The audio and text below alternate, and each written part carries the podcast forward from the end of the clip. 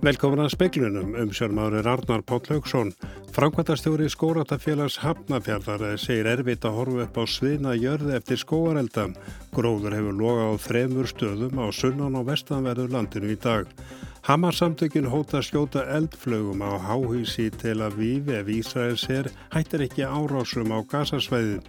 Félagsmálar á þeirra segir að tryggt verði allir námsmenn sem vilji sumastarf fái vinni í sumar. 2500 sumastörf verða í bóði fyrir námsmenn 18 ára eldri í tengslu við átækið hefjum störf. Barna smitt sjúkdómalæknir segir líklegt að börn allt niður í 12 ára verði spröytu við COVID-19. Það verði þó ekki fyrir í fyrsta lagi í haust. Eldfjallafræðingu segir að það hljóta að líka hraunrás úr gignum í geldingadölun sem við sjáum ekki. Um hana rennir hraun auk kvikunar sem gís upp úr gignum. Það er mjög sárt að horfa upp á eidileggingu af völdum gróðurelda, segir Frankvandastjóri skóratafélags Hafnafjörðar. Gróður hefur loga víða í dag, fyrst í Grímsnesi, svo á Vastleysu strönd og nú síteis í Hafnafjörði, þar sem um 10.000 fermetrar brunnu.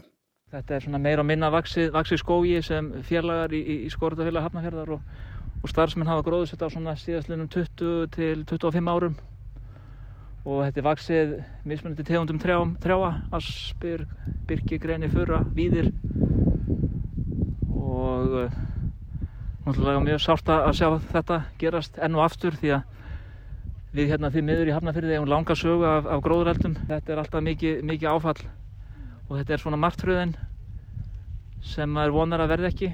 Og það er einmitt akkur þessi tími, mæmánuður, sérstaklega norðan átti geisa og gróðurinn ekki vaknar að dvala sem er hættulegi tíminn. Sagði Steinar Björgvinsson, framkvæmdastjóri skórektarfélags Hafnarfjörðar. Hann var sjálfur á svæðinu á samt tveimur félögum sínum þegar eldurinn kviknaði. Við verðum ekki varið við svo sem eitt eða neitt ofinnulegt. Nefn að einn okkar bara tóka eftir því þegar við vorum að leiðin í kaffi að það blossaði mikill reykur upp hérna bara skamt frá okkur. Þannig að þetta var guðsmild að við vorum hérna í ná, nágruninu og gáttum kalla á slökkviliði sem brást mjög hratt og vel við. Yfir 20 gróðureldar hafa kviknað það sem afer þessum mánuði. Í fyrsta sinn er hættustegi gildi vegna gróðurelda á svæði sem nær frá breyðafyrði að eigafjöllum. Þá hefur almannavarnandeild ríkislauruglustjóra ákveðið að banna allan opin eld. Hildur Margrit Jóhansdóttir tók saman. Landfylgiskjæslan hefur leikt slökkviskjólu frá Svíþjóðu stað þeirra sem eðlaðist í kjölfari gróðurelda í heiðmörk í síðustu vikum. Skjólan er hengd neðan í þyrlu og getur borðið að milli 1000 og 2000 lítra vatni. Áskir Erlendsson, upplýsingafötru landtelgiskeslinar, segir að nú séu unni hörðum höndum að því að finna leiðir til að koma henni til landsins sem allra fyrst. En vegna stópullarsflugsangangna er enn ekki ljóst hvernig það tekst á meðan er engin slökkvi getur lofti til að breyðast við hugsalögum gróðureldum nú þegar hættustygur í gildi á söður og vesturlandi. Nýji MeToo-bylgja var rætt á alþingi dag þrjár þingkonur ítrekuðu stuðningsinn við þólendur auk þess sem að þær gaggrindu hvernig réttarkerfið hefur tekið á kynferðis afbrótamálum. Fjölmarkir þólendur hafa stíðið fram á samfélagsmeilum síðustu daga og opnað sig um kynferðisofbeldi, afleðingar þess og viðbröð samfélagsins. Þessi nýja MeToo-bylgja var gerðað umtalsefni á alþingi í dag. Það er hryllilegt að vita til þess að okkar annars góða samfélagi sé með þennan ljóta blett sem kynferðislegt ofbeldi og áreiti er. Við þurfum að hlusta á þessar sögur, við þurfum að læra og við þurfum einfallega að gera betur. Sagði Bryndís Haraldsdóttir, þingkona sjálfstæðisflokksins. Bjarkei Olsen Gunnarsdóttir, þingkona vinstri græna, setti spurningamerki við það hvernig domstólar taka á þessum málum. Við erum í annari bylgjum í tú, en á sama tíma fáum við upplýsingar um það að landsréttur mildi dóma í 40% kynferðisbrótamála sem að fara fyrir dómin. 40%. Til samanburðar eru 25% dóma í ofbeldis- og fíkniefnabrotum mildaðir. Skildi engan undra að þólendur séu treyir til að leita réttar síns ef þetta eru kveðirnar frá domstólum landsins. Ég stend með ykkur. Olga Margrét Silja, þingkona Pírota, tók í sama streng. Skömmin er ekki þólenda, skömmin er gerenda og réttakerfi sem hefur gjörsanlega brugðist þólendum kynferðisofbeldis og neita að taka ábyrð á þeim varalegum skada sem það hefur valdið á kynnslóðum hvenna og kynnsegin sem treyst ekki kerfinu til þess að ná fram réttlæti. Sagði Olga Margreti Silja, áður heyrði því Bryndisi Haraldsdóttur og Bjarki Olsen Gunnarsdóttur Andri Irkill Valssona tók saman. Þorvaldur Þorðarsson, professor í eldfjallafræði, segir að hraun frá góðsunni geldingadölum dreifist í allar áttur. Það geti verið vísbending um að smá saman myndist dingja. Ef að þetta góðs breytist í dingjugósa þá fer, verður þetta lítil dingja og það er ekki sem að myndi segja kannski að, hvað var að segja, þerrmáli á henni kannski gæti orðið sko, nokkri kílómetrar, þrýr til fimm kílómetrar eitthvað svoleiðis. En þetta er þið frekar lítill hraunskjöldur eða, eða, eða dingja. Þetta er ekkit ávið skjálbreið sem er 30 km í, í, í þvermál og til þess þurfum við miklu meiri framleginni og líka miklu lengri gós. Þetta var Þorvaldur Þorðarsson og nána verður tala við hann síðar í speklinum. Aðala frangatastjóri saminuð þjóna segir að unni sé að því að stitta til friðar millir palestinumanna og Ísraelsmanna. Hann harmar mannfall á báðabóa og skorar á Ísraelsmenna að halda aftur að sér á hernaðasviðinu. Hamarsamtökin hóta að skjóta eldflögum að háhísi í Tel Aviv láti Ísraels er ekki af árásum á skotmörk á gasasvæðinu. Þetta kom fram í yfirlýsingu sem Abu Ubaida, talsmaður hernaðar Arms Hamas, sendi frá sér síðið degis. Afleðingarnar sagði hann að þyrðu mun alvarlegri en í árás á borgina Askelon fyrir í dag. Í henni létust tveir Ísraelsmenn og týjir særðust. Saminuðu þjóðurnar segja að unni sé af kappi að reyna að draga úr spennum milli Ísraelsmanna og palestínumanna.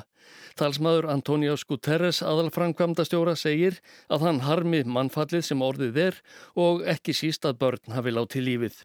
Ísraelskar öryggisveitir verði að halda aftur af sér og sömuleiðis sé ólíðandi að palestinumenn skjóti eldflögum á almenna Sæmen Sjúkri, utanryggisráþura Egiptalands skýrið frá því að í dag á fundi Arababandalagsins að hann hefði sett sig í samband við stjórnvaldi í Ísrael og bóðist til að reyna að miðla málum í deilunni. Umleitunum hans hefði verið mætt með fálæti. Áskir Tómasson saði frá. 2500 sömarstörf verði bóði fyrir námsmenn 18 ára og eldri í tengslu við átækið hefju störf. Ásmundur Einar Daðarsson, félags- og barnamálar á þeirra, segir að tryggt verði að allir námsmenn sem vilji sömarstarf fái vinni sömar. Hann kynnti sömarstörfin á fundi ríkistjórnarinnar fyrir hátíi. Já, þetta eru námsmenn sem eru 18 ára eldri og, og það er skiptist niður og það fara 1400 störf til sveitarfélag. Þessi sveitarfélagin munir skapa störf með stuðningi vinnumálastofnunar. Síðan er það ofinbæra stofnanir, frjáls félagsamtök og líka fyrir innnefna. Þannig að þessi 2500 störf fara í auglýsingu núna í, í dag. Við erum síðan í tilbúin í starthólunum þar ef áþarf að halda að skapa fleiri störf ef að það fyllist í þau á næstu vikum. Að þegar við ætlum okkur að geta tryggt það að allir námsmenn sem vilji fá starfi sumar geti fengið starf. Hverjum námsmanni sem ráðin er inn með úræðinu fylgir styrkur sem nefnur fullum dagvinnu launum samkvæmt gildandi kærasamningum en að hámarki 472.000 krónur á mánuði auk framlags í lífeyrissjóð.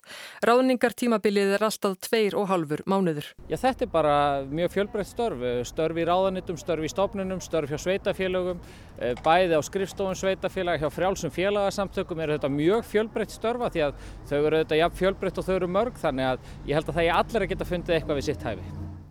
Þetta var Ásmund Reinar Daðarsson, Anna Lilja Þóristóttir talaði við hann en Ásmund Brynja Ingvarstóttir tók pistilinn saman.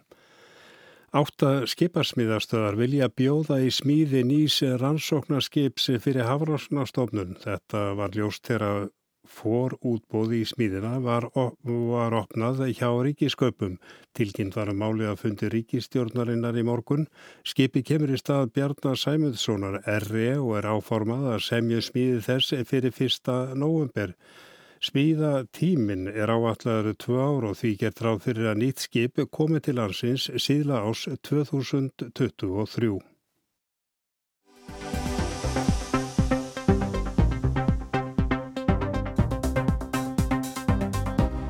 Þó að liðin sé rúm vika frá því að gósið í geldingadölum byrjaði að gjósa með stuttum hljöfum er ekkit láta á raunflæðinu. Sjálf raunáinn hefur heldur færst í aukana. Þorvaldur Þorðarsson, professor í eldfjallafræði, segir að framanaf hafi flæði verið á bylnu 5-10 rúmmetrar á sekundum en sé nú á bylnu 10 til 15 rúmetrar. Hann sér að raunáin og gósvirknin í gígnum sé raun að haga sér sjálfstætt. Þannig það hlýtur að vera rás sem við erum ekki að sjá sem kemur upp úr gígnum og fyrir beint út í raunána og við heldur flæðin í raunáni trátt fyrir alla þessa breytileika og, og yfirfalli sem kemur í tengslu við kvirkustrókana.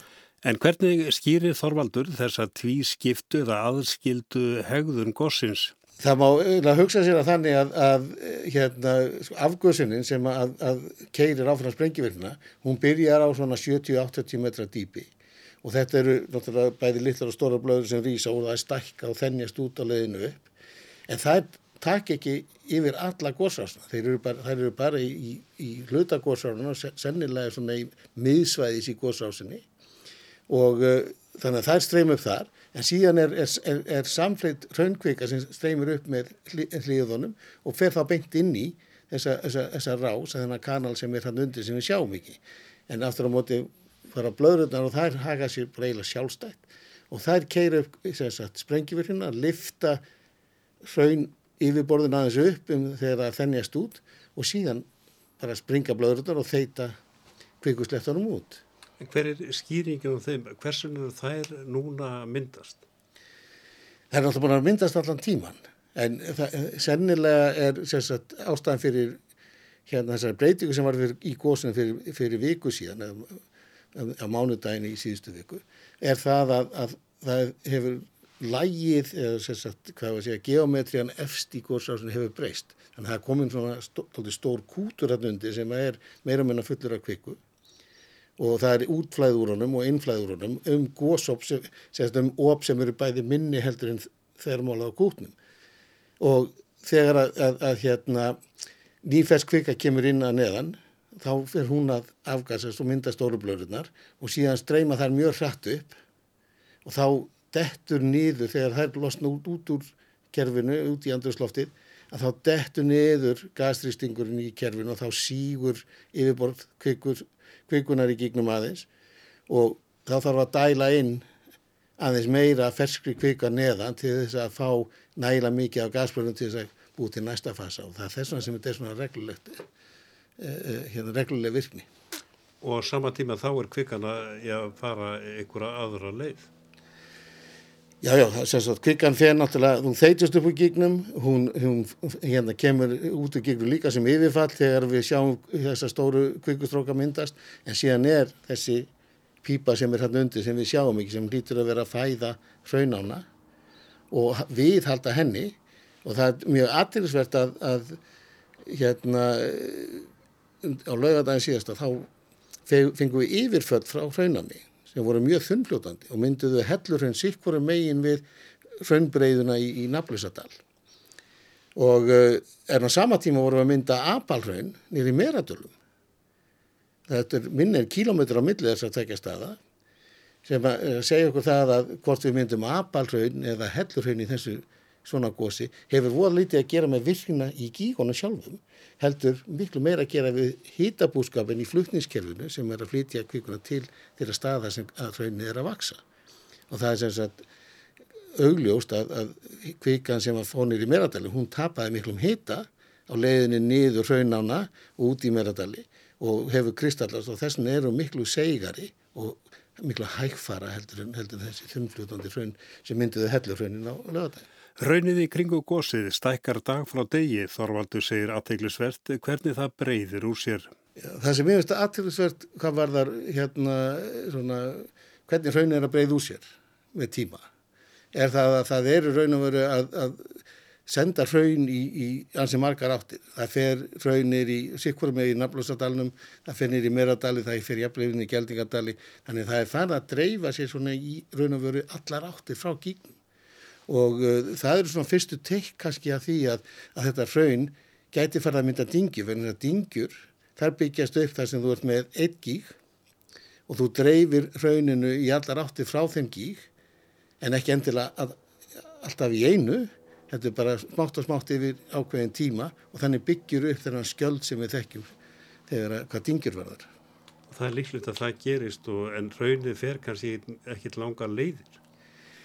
Nei þetta, sko, ef að, ef að þetta góðs breytist í díkigóðs þá fer, verður þetta lítildingja og það er ekki sem að myndi segja kannski að, hvað var að segja þerrmáli á henni kannski gæti orðin sko, nokkri kílómetrar þrýr til fimm kílómetrar eitthvað svoleiðis. En þetta er þið frekar lítill hraunskjöldur eða, eða, eða dingja þetta er ekkit ávið með skjálbreið sem er 30 kílómetrar í, í, í, í þerrmál og til þess þurfum við miklu meiri framleginni og líka miklu lengri gós. En að dingja myndist, það getur verið vísbendingu um það að þarna verði gósið að það sé kannski í endilega líklegt að það gjósi á eh, fleiri stöðum á gósrásin eða, eða kviku eh, ganginum. Nei sko þetta, þetta gós getur haldið áfram þetta og ef það mynda dingju þá verður það að vera eh, á lífið doldi lengi. Við erum ekki að tala um það á mánuði heldur ár og það er hugsalegt að, að, hérna, að, að það gangi eftir. Það er engi teikn á því að gósi sé að fara að hætta. Þetta var Þorvaldur Þorðarsson.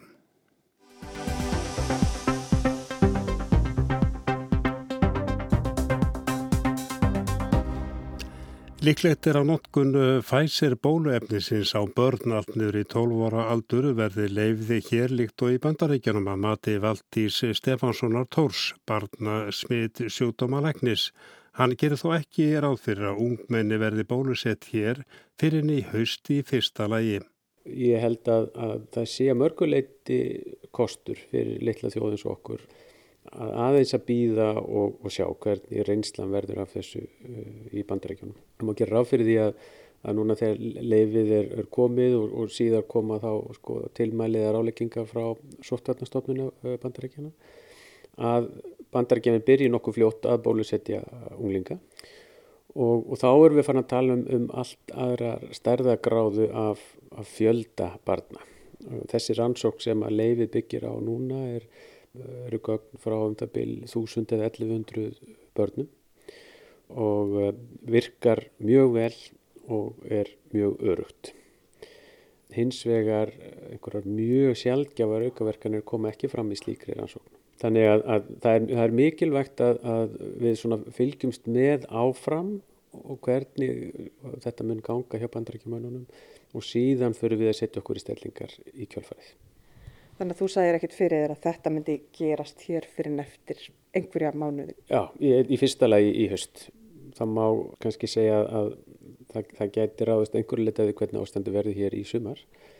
Það má líka segja að varðandi svona þörfina á að bólusetja unglinga, þau eru líkar í fullornum heldur en yngri bönni. Að því leytinu til að þau eru líkleri til þess að síkjast og þau eru líkleri til þess að fá meiri enginni líkt og, og ungir fullarnir. Þannig að, að svona krafanum að bólusetja unglingana er svona háværari heldur en yngstu börnin. Það, það er samt líka að taka það með í reikningin að ef markmiðið er raunveru að útrýma veirunni sem er kannski ekki endilega raunhæft en allavega að skapa þenni ástand að þetta er ekki uh, heims faraldur áfram að þá þurfum við að bólusetja alla og þá erum við ekki bara að tala um, um alla aldurshópa heldur allar heimsálfur. Því að hættan er svo að ef við bólusetjum spara þá sem eru eldri en, en 16 að veiran verði áfram á sveimi í yngstu aldurshópunum og þá er þessi hætta áfram viðvarandi. Það sem að kannski fólk hefur svona svolítið ágjur að vera með þetta að ef hún fær að matla áfram í yngstu aldurshópunum þá fær hún að gera alvarlega skrávefu þar. Já og eðlilega hefur fólk áhugjað því að því að börnun okkar það er það dýrmætasta sem við eigum og við verðum auðvitað að gæta þeirra eins og hægt er. Á hinbógin verður að segjast að, að sjúkdómurinn hefur verið mjög mildur hjá börnum hér á Íslandi og raunur allstaðar og við höfum verið með 800 börnum það bíl sem hafa greinst með uh, þessa síkingu uh, á Íslandi frá upphafi faraldursins og ekkert þeirra hefur þurft að leggjast inn á spítala. Nokkur þeirra hafa þurft að koma til mats á bráðamóttökur nokkur hafa þurft að lifja með fyrir síkla lifið, eh, fylgjikvillum eða annað slíkt en, en almennt hefur þetta gengið mjög vel. Og þið vitið ekki til þess að það hafi neitt þessara barna og menna upplifað alvarleg eftirkvast eða langvarandi? Jú, við vitum um, um nokkur tilfelli af börnum sem að uh, er að glýma við eftirköst eftir síkingun sem eru svona af sambarlegum toga og hjá fullornum. Þreita, höfuverkir, ímis svona andleg einkenni sem er svona, getur verið erfitt að mæla. En, en þau, eru, þau eru þarna og það var alveg við því að, að búast að það myndi gerast og það er líklega að það sé þannig hjá úlingskrökkum heldur en yngri börnum. Þið eru það undirbúin ána rannsókn á þessu, þessum langvarandi enginum? Það er rétt og, og svo rannsókn fer vantilega stað núna í svömmar eða höst þegar leifi vísinda síðanemnda likur fyrir og ferraunur þannig fram að við verðum með útbúin spurningalista yfir þá enginni sem getur samrýmst þessi sem hefur verið kallað long covid eða langvarandi covid eða langvarandi eftirkvöst af covid. Og spyrjum þá örunuru fóraldra eða börnin sjálf hvort að, að barnið sé með eitthvað þessum enginum og að hvað miklu leiti en myndum gera slítið sama við börn sem hafa ekki síkst þannig að við getum þá bórið saman þessar tvo hópa Östutað af því við höfum verið að tala um bólusetningar í raun og veru unglinga niður að 12 ára aldri Pfizer og Moderna allavega eru að fara af staðið að fara af stað með það að, að hérna, rannsaka hvernig bólefni virkar á yngri börn og allt bara niður í kornabörn. Ef við segjum sér svo að það er að rannsóknir komi vel út heldur að sé ástæði til þess að, að bólusetja svona ung börn. Ég held að það sé ekkit alveg útlokað að gera það. Sérstaklega við ætlum að fara þá leið að bólusetja alla. Og það hefur verið kallað eftir því að að, að bólusetja alla. Og eins og ég sagði áðan óháð landi eða þjóðfélagshópi eða, eða aldri. Og svona fræðmenn hafa haldið því fram að þessi eru engin örgur fyrir en allir eru örgir og, og þá myndi þetta sko falla þar undir að bólusetja all börn á einhverjum tímapunkti en hvenar við erum komin á þann stað er, er alveg óljóst og, og ég held að sé ágætt að, að við séum ekki endilega leiðandi í því heldur fylgjum þá stærri þjóðum sem að eh, eiga auðveldara með að sapna skögnum frá, frá mörgum börnum og síðan hvernig það, eh, hvernig, hverja afleiðingar það var slíku verður.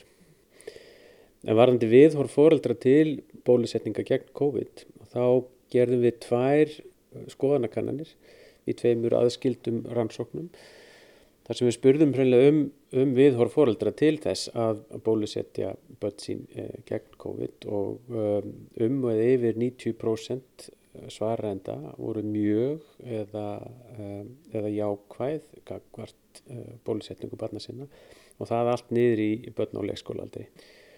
Þannig að það segir okkur og, og raunverið stiður það sem við, við höfum talið áður að, að viðhorf fóreldra almennt til bólusetningu í Íslandi er mjög jákvætt.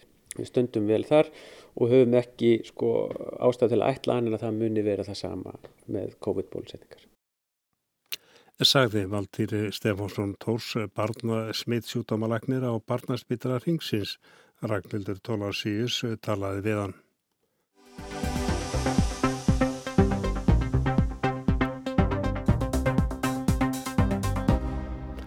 Og þá til Noregs, hagfræðingar þar þreytast aldrei að vara við aukinni notkun fjári ólíusjónur sem normin hafa komið sér upp á 20 ára tímabili. Samt að ætla norska ríkistjónin að sækja óvinni mikið í sjóðin í ár og kennir vanda vegna heims faraldur sinsum. Hagfræðingar eru enn sem fyrr ósamála. Skyndilega ákveður norska ríkistjórnin að sækja meira í óljusjóðin fræga en fram að þessu hefur verið gert í vandanum sem fylgir pestinni vegna COVID-19. Ef auka fjárlög fórst samþygt verður eðsla á óljupenningum mörgum miljörðum meiri en ætlunin var í haust þegar faraldurinn hafði gengið í hálft ár.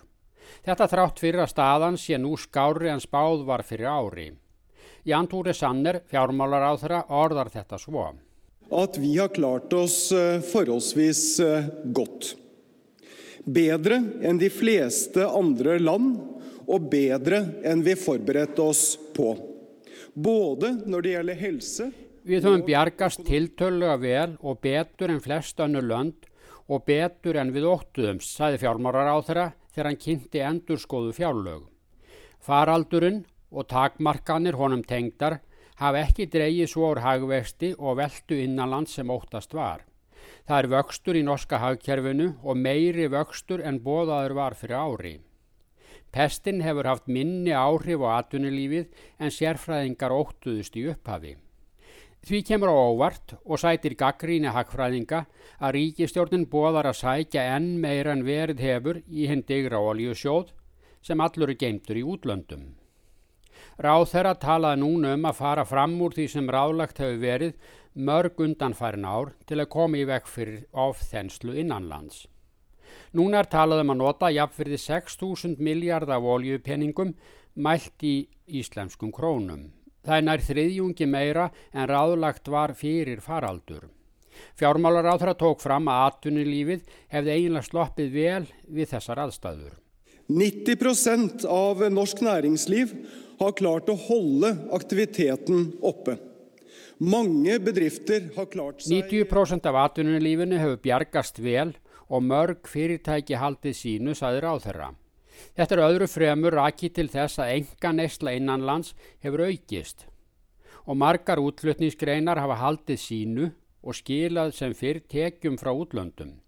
Peningar sem áður unnu til útlanda Ímist í vestlunaferðum til Svíþjóðar eða ferðalögum og fastri búsetu söður um Evrópu eru nú í veldunni heima. Þetta hefur komið fram í mörgum atvinnugreinum. Það er mikil þensla á húsnæðismarkaði og einni í framlegslu og þjónustugreinum heima. Þá er rekstur veitingarstað og flugfélaga frá dregin. Matvörubúður skila meiri veldu og meiri hagnaðin áður hefur þekst Jáfnvel talað um 8% hagnað í sumum greinum veslunar. Þetta er líka hægt að mæla í sorpinu. Áður fylgtust gámar undir pappa úrgang og umbúðir við íbúðablokkir einu sinni í viku. Núna fyllast er tvísvar í viku. Sorpið er mæli hvarð á veslunaveltuna innanlands. Fólk kaupir meirin áður, þó að því frátöldu að um 10% landsmanna hefur nú úr minnu að spila en var fyrir faraldur. Þetta vekur samt upp spurningar frá hagfræðingum. Af hverju er meira sótt í ólíusjöðu núna þegar sér fyrir endan á pestinni? Jafnvel spáða innan árs verði allt komið í sama lag og var fyrir komu veirunar. Og í kauphöllinni svöruðu kaupa hérnar tíðindunum með því að selja bref sín við fallandi verði. Einhverjum líst ekki á þessa miljarda sem eiga bætast í velduna. Hinn venjulegur rauk gegn innspýtingu af oljupenningum er að fleiri oljumiljarðar frá ríkinu leiði til fallandi framleiðni í engageiranum, aukinar verðbolgu og versnandi samkeppnishæfni.